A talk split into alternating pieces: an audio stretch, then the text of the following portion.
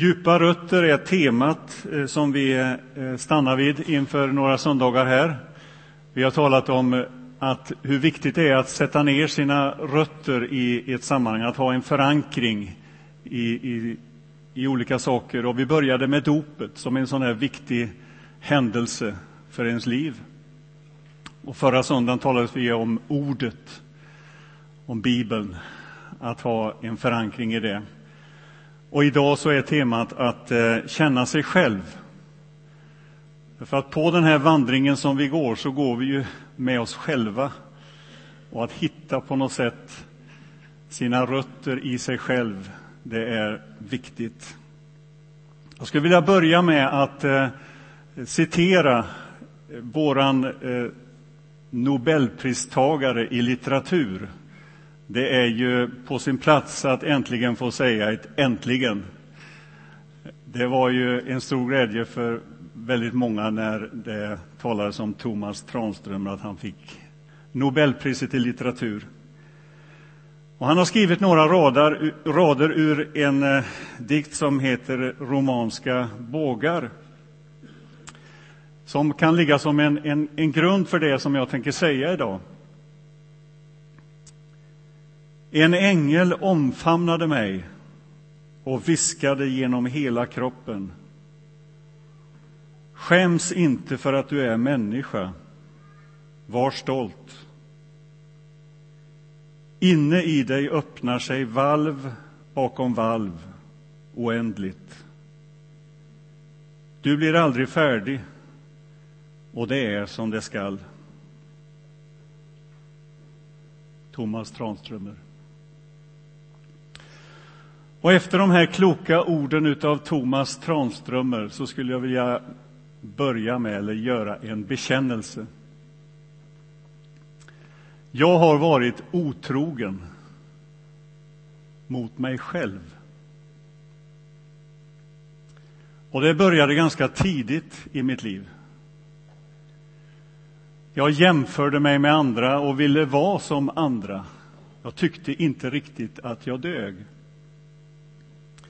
Och jag har brottats med den känslan och liksom försökt hantera den känslan eh, genom åren. Och jag kan inte säga att jag riktigt är av med den ännu. Det började tidigt, och det gör en sån känsla när man börjar jämföra sig med sin kompis, som jag gjorde. Han var mycket bättre än mig i alla idrotter. Han hade ett otroligt bollsinne. Han hade en förmåga att springa fortare än alla andra. Så jag började imitera hans löpsteg. Och jag började ta efter hans bollbegåvning så gott jag kunde.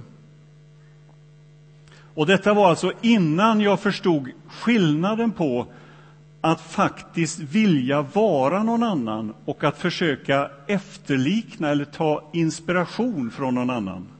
För det är en väsentlig skillnad. Genom åren så har jag haft en, en rad olika goda exempel runt mig som har gett mig inspiration för min vandring. Som har sporrat mig till överlåtelse, som har sporrat mig till i, i ledarskap, i hängivenhet,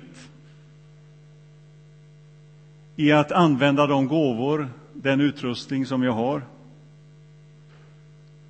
Men otrohet mot sig själv, det är någonting annat.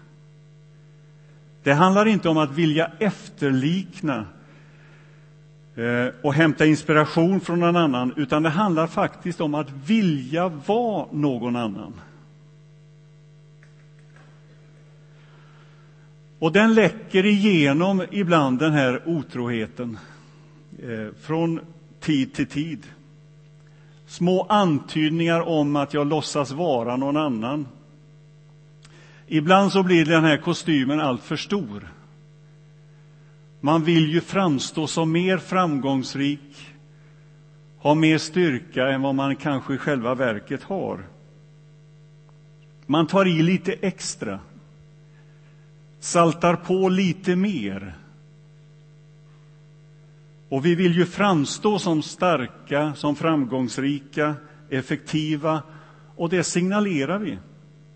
Och så döljer vi den här svagheten som vi tycker att det är. För tänk om vi inte blir mottagna och bekräftade. Nu är det ju så här, tack och lov, att detta avslöjas ganska effektivt. Förhoppningsvis utav en själv, men kanske allra främst utav de som är ens närmaste vänner och som står alldeles intill en. Och det är nyttigt att omge sig med sådana som talar om hur det själva verklig, i, i själva verket är. En historia jag eh, hörde, ni ska få den, man ska ju krydda lite med historier också. En militär hade just utsetts till löjtnant och så ville han imponera på de personer som stod lite längre ner i hierarkin.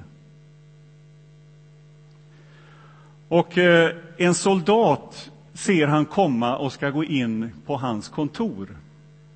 Så han lyfter telefonluren och låtsas prata med generalen. Och så när soldaten kommer in så utbrister den här löjtnanten. Ja, generalen, du kan åtminstone räkna med mig. Jag ska ställa upp på din sida. Och sen lägger han på luren och så vänder han sig till soldaten och frågar vad ska du göra då? Vad vill du här? Ja, jag ska koppla in telefonen.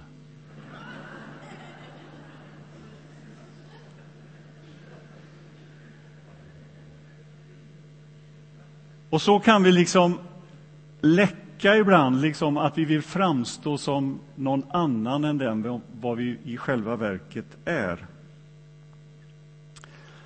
Låt oss nu läsa en text ifrån Matteusevangeliet, det 22 kapitlet.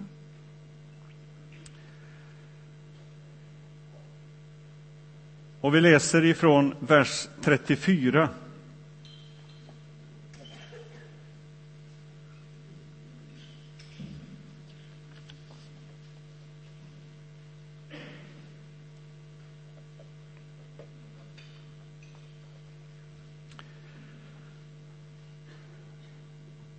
Och det är på sidan 697. När fariseerna fick höra hur han hade gjort sadukeerna svarslösa samlades de. Och för att sätta honom på prov frågade en av dem, en laglärd. Mästare, vilket är det största budet i lagen? Han svarade honom, du ska älska Herren din Gud med hela ditt hjärta och med hela din själ och med hela ditt förstånd. Detta är det största och första budet. Sen kommer ett av samma slag.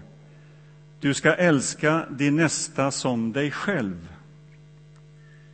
På dessa båda bud vilar hela lagen och profeterna. Vad innebär det att älska sin nästa som sig själv? Eller om vi vänder på det, vad innebär det att älska sig själv lika mycket som man älskar sin nästa? Och om jag ska förstå sanningen om mig själv så måste jag se att jag är insatt i ett mycket större sammanhang än bara mig själv. Och det är det sammanhanget som Jesus här belyser i de här orden. Han säger till oss alla, du är inte bestämd att vara isolerad eller hänvisad åt dig själv.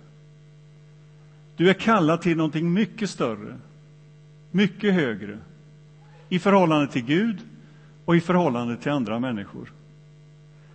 Och Det är därför som Jesus sammanfattar lagen, alltså alla de här lagen som fanns, lagarna som fanns som reglerade olika saker, de sammanfattas i de här budorden, eller i de här orden. Och de kan beskrivas så här. Gud, jag och min nästa.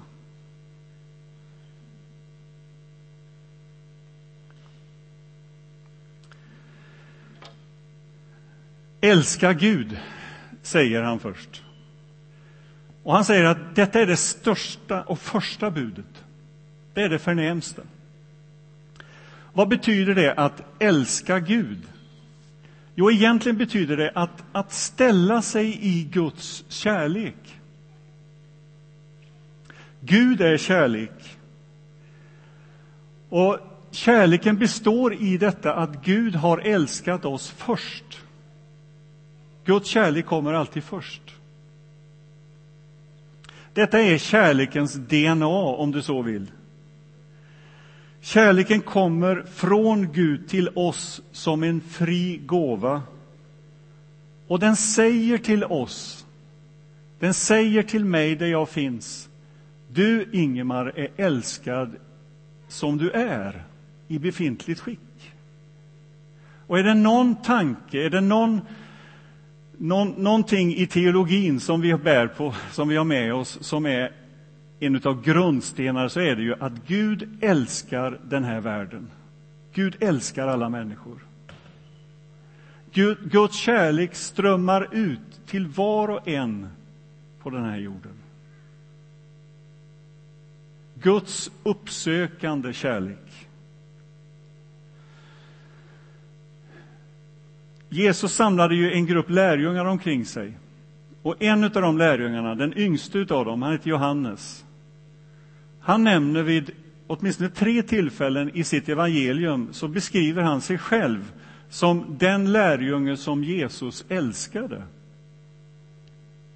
Och Det är ett ganska märkligt uttryck. Och Då kan ju frågan naturligtvis uppstå, älskade inte Jesus alla lärjungarna lika mycket? Eller hade han liksom en favorit bland dem som i detta fallet skulle vara Johannes? Nej, jag tror inte man ska tolka det så, utan vad det handlar om det är att Johannes på något sätt hade sett att Jesu kärlek till mig, den är obegränsad. Han hade upptäckt det. På något sätt så säger Johannes, här ser du en som Jesus älskar. Som jag är, med alla mina svagheter, med alla mina brister. Och att ta emot Guds kärlek in i mitt liv, som det ser ut, in i min brustenhet, in i mina gåvor, in i de förutsättningarna jag har, det gör någonting med mig. Det gör att jag, jag kan känna mig trygg. Därför att i tryggheten får jag på något sätt utrymme. Och man kan nämligen inte vara svag om man inte omges av kärlek. Det är i kärleken som man liksom kan vara sig själv. Tänk på barnen som var här alldeles nyss.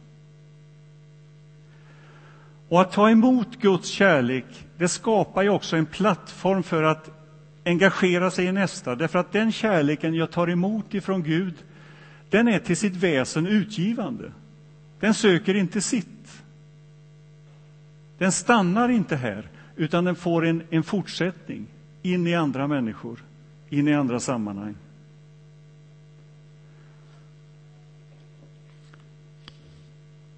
Sen säger Jesus om de här att älska sig själv och älska sin nästa, så säger han det är budord som är av samma slag.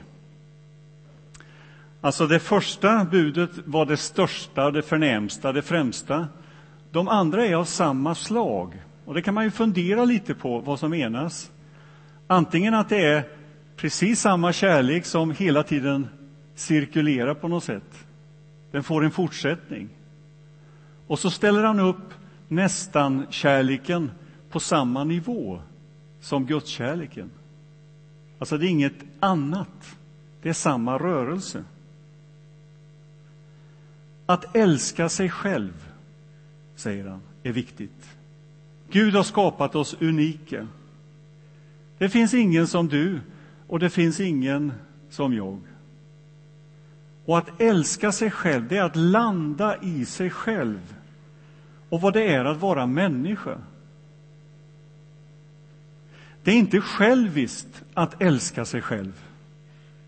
Men det blir själviskt om det bara stannar vid mig själv. Jag kommer till det lite senare. Men jag behöver älska mig själv för att kunna älska andra. Och sanningen om mitt liv, sanningen om mig där jag finns, det är att jag består av både svaghet och styrkor. Det är sanningen om mig. Och att landa i det är på något sätt vår utmaning, vår kallelse och förutsättningen för att vara människa. Det finns ett rabbinskt ordspråk som är så här. Alla bör ha med sig två papperslappar och läsa dem varje dag. På den ena papperslappen så står det Du är stoft och aska. Det står det på den ena. Och på den andra så står det För din skull skapades universum. Du är stoft och aska och för din skull skapades universum. Den här lappen talar om att jag är en människa med alla de fel och brister och svagheter. Jag lever i den brustenheten. Men det säger någonting mer om mitt liv. Hela universum är skapat för min skull. Gud älskar mig som om det, eller Gud älskar den här världen som om det bara vore du och jag, eller bara du själv i den här världen. Jesus Kristus dog för oss som om det bara vore jag själv som fanns här. Guds kärlek är oändlig. Den är stor. Bär med dig de här lapparna, de är bra att ha och tänka på och sätta in sig i, i det sammanhang som vi är. Älska din nästa som dig själv. Alltså, kärleken från Gud, den stannar inte bara hos mig själv. Den gäller alla människor. Den gäller hela världen. Det är själviskt om det bara handlar om, om mig. Och man skulle kunna säga så här att om jag utestänger någon av de här tre så blir det fel. Eller om jag bara koncentrerar mig på en så blir det också fel. Här blir det själviskhet om jag bara tänker på mig själv. Och kanske blir det svärmeri om det bara handlar om Gud. Och kanske blir det utbrändhet om jag bara koncentrerar mig på min nästa och inte tänker på mig själv. Alltså de här tre går in i varandra. Det är någon slags flöde som Gud kallar oss in i. Och det bästa sättet att liksom få rotation på detta, det är bland annat att finnas i en församling. Att engagera sig i andra människors liv. Att vara en del av en större gemenskap än mig själv. Därför att församling per definition betyder att vi är många tillsammans i en och samma kropp. Och att vi tillhör varandra. Vi är inte längre ensamma. Vi är syskon. Och syskon blir man aldrig av med. Så är det. Vi tillhör varandra. Och det är det vi har valt att gå in i. Både att ta emot ifrån varandra, att tjäna varandra. Men det stannar inte bara där, utan det söker sig ut i den värld där Gud finns och älskar alla människor. In i det uppdrag som vi som församling står i. Vi är kallade, inte för vår egen skull på något sätt att vi skulle liksom njuta och må gott ett tag, utan församlingen syftar utöver sig själv, ut i den här världen. In i det uppdrag som han står i.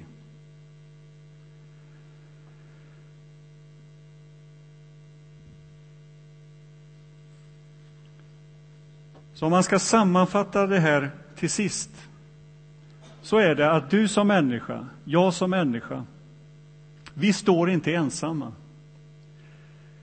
Jag får ta emot Guds kärlek till mig. Guds kärlek som är utgivande och som också är en kärlek som går vidare genom mig till andra människor. Att inte älska sig själv, att inte acceptera att jag är faktiskt en människa som är älskad av Gud precis som jag är. Det utestänger mig från Guds kärlek. Jag har svårt att ta emot den.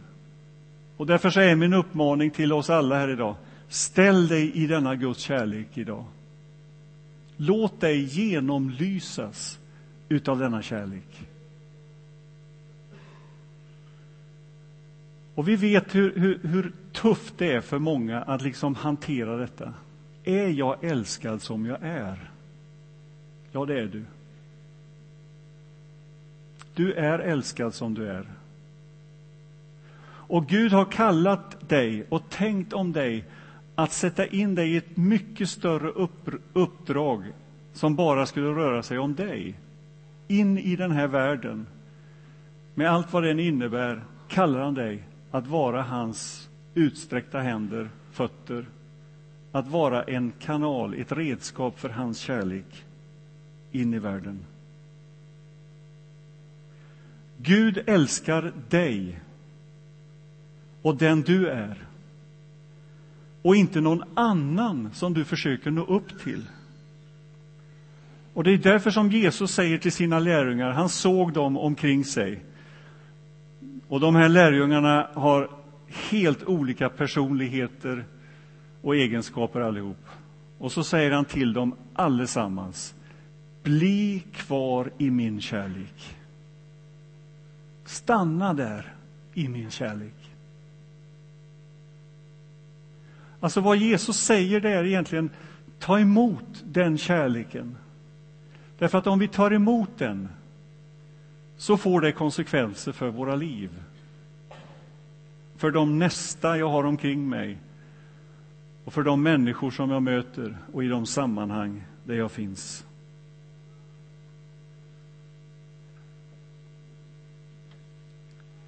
En ängel omfamnade mig och viskade genom hela kroppen. Skäms inte för att du är människa. Var stolt. Inne i dig öppnar sig valv bakom valv oändligt. Du blir aldrig färdig, och det är som det skall. Amen. Tack Gud för din kärlek som är oändlig, som är evig. Tack för att du älskar oss och vill låta din kärlek strömma igenom oss ut till andra. Tackar vi får ta emot den idag. Amen.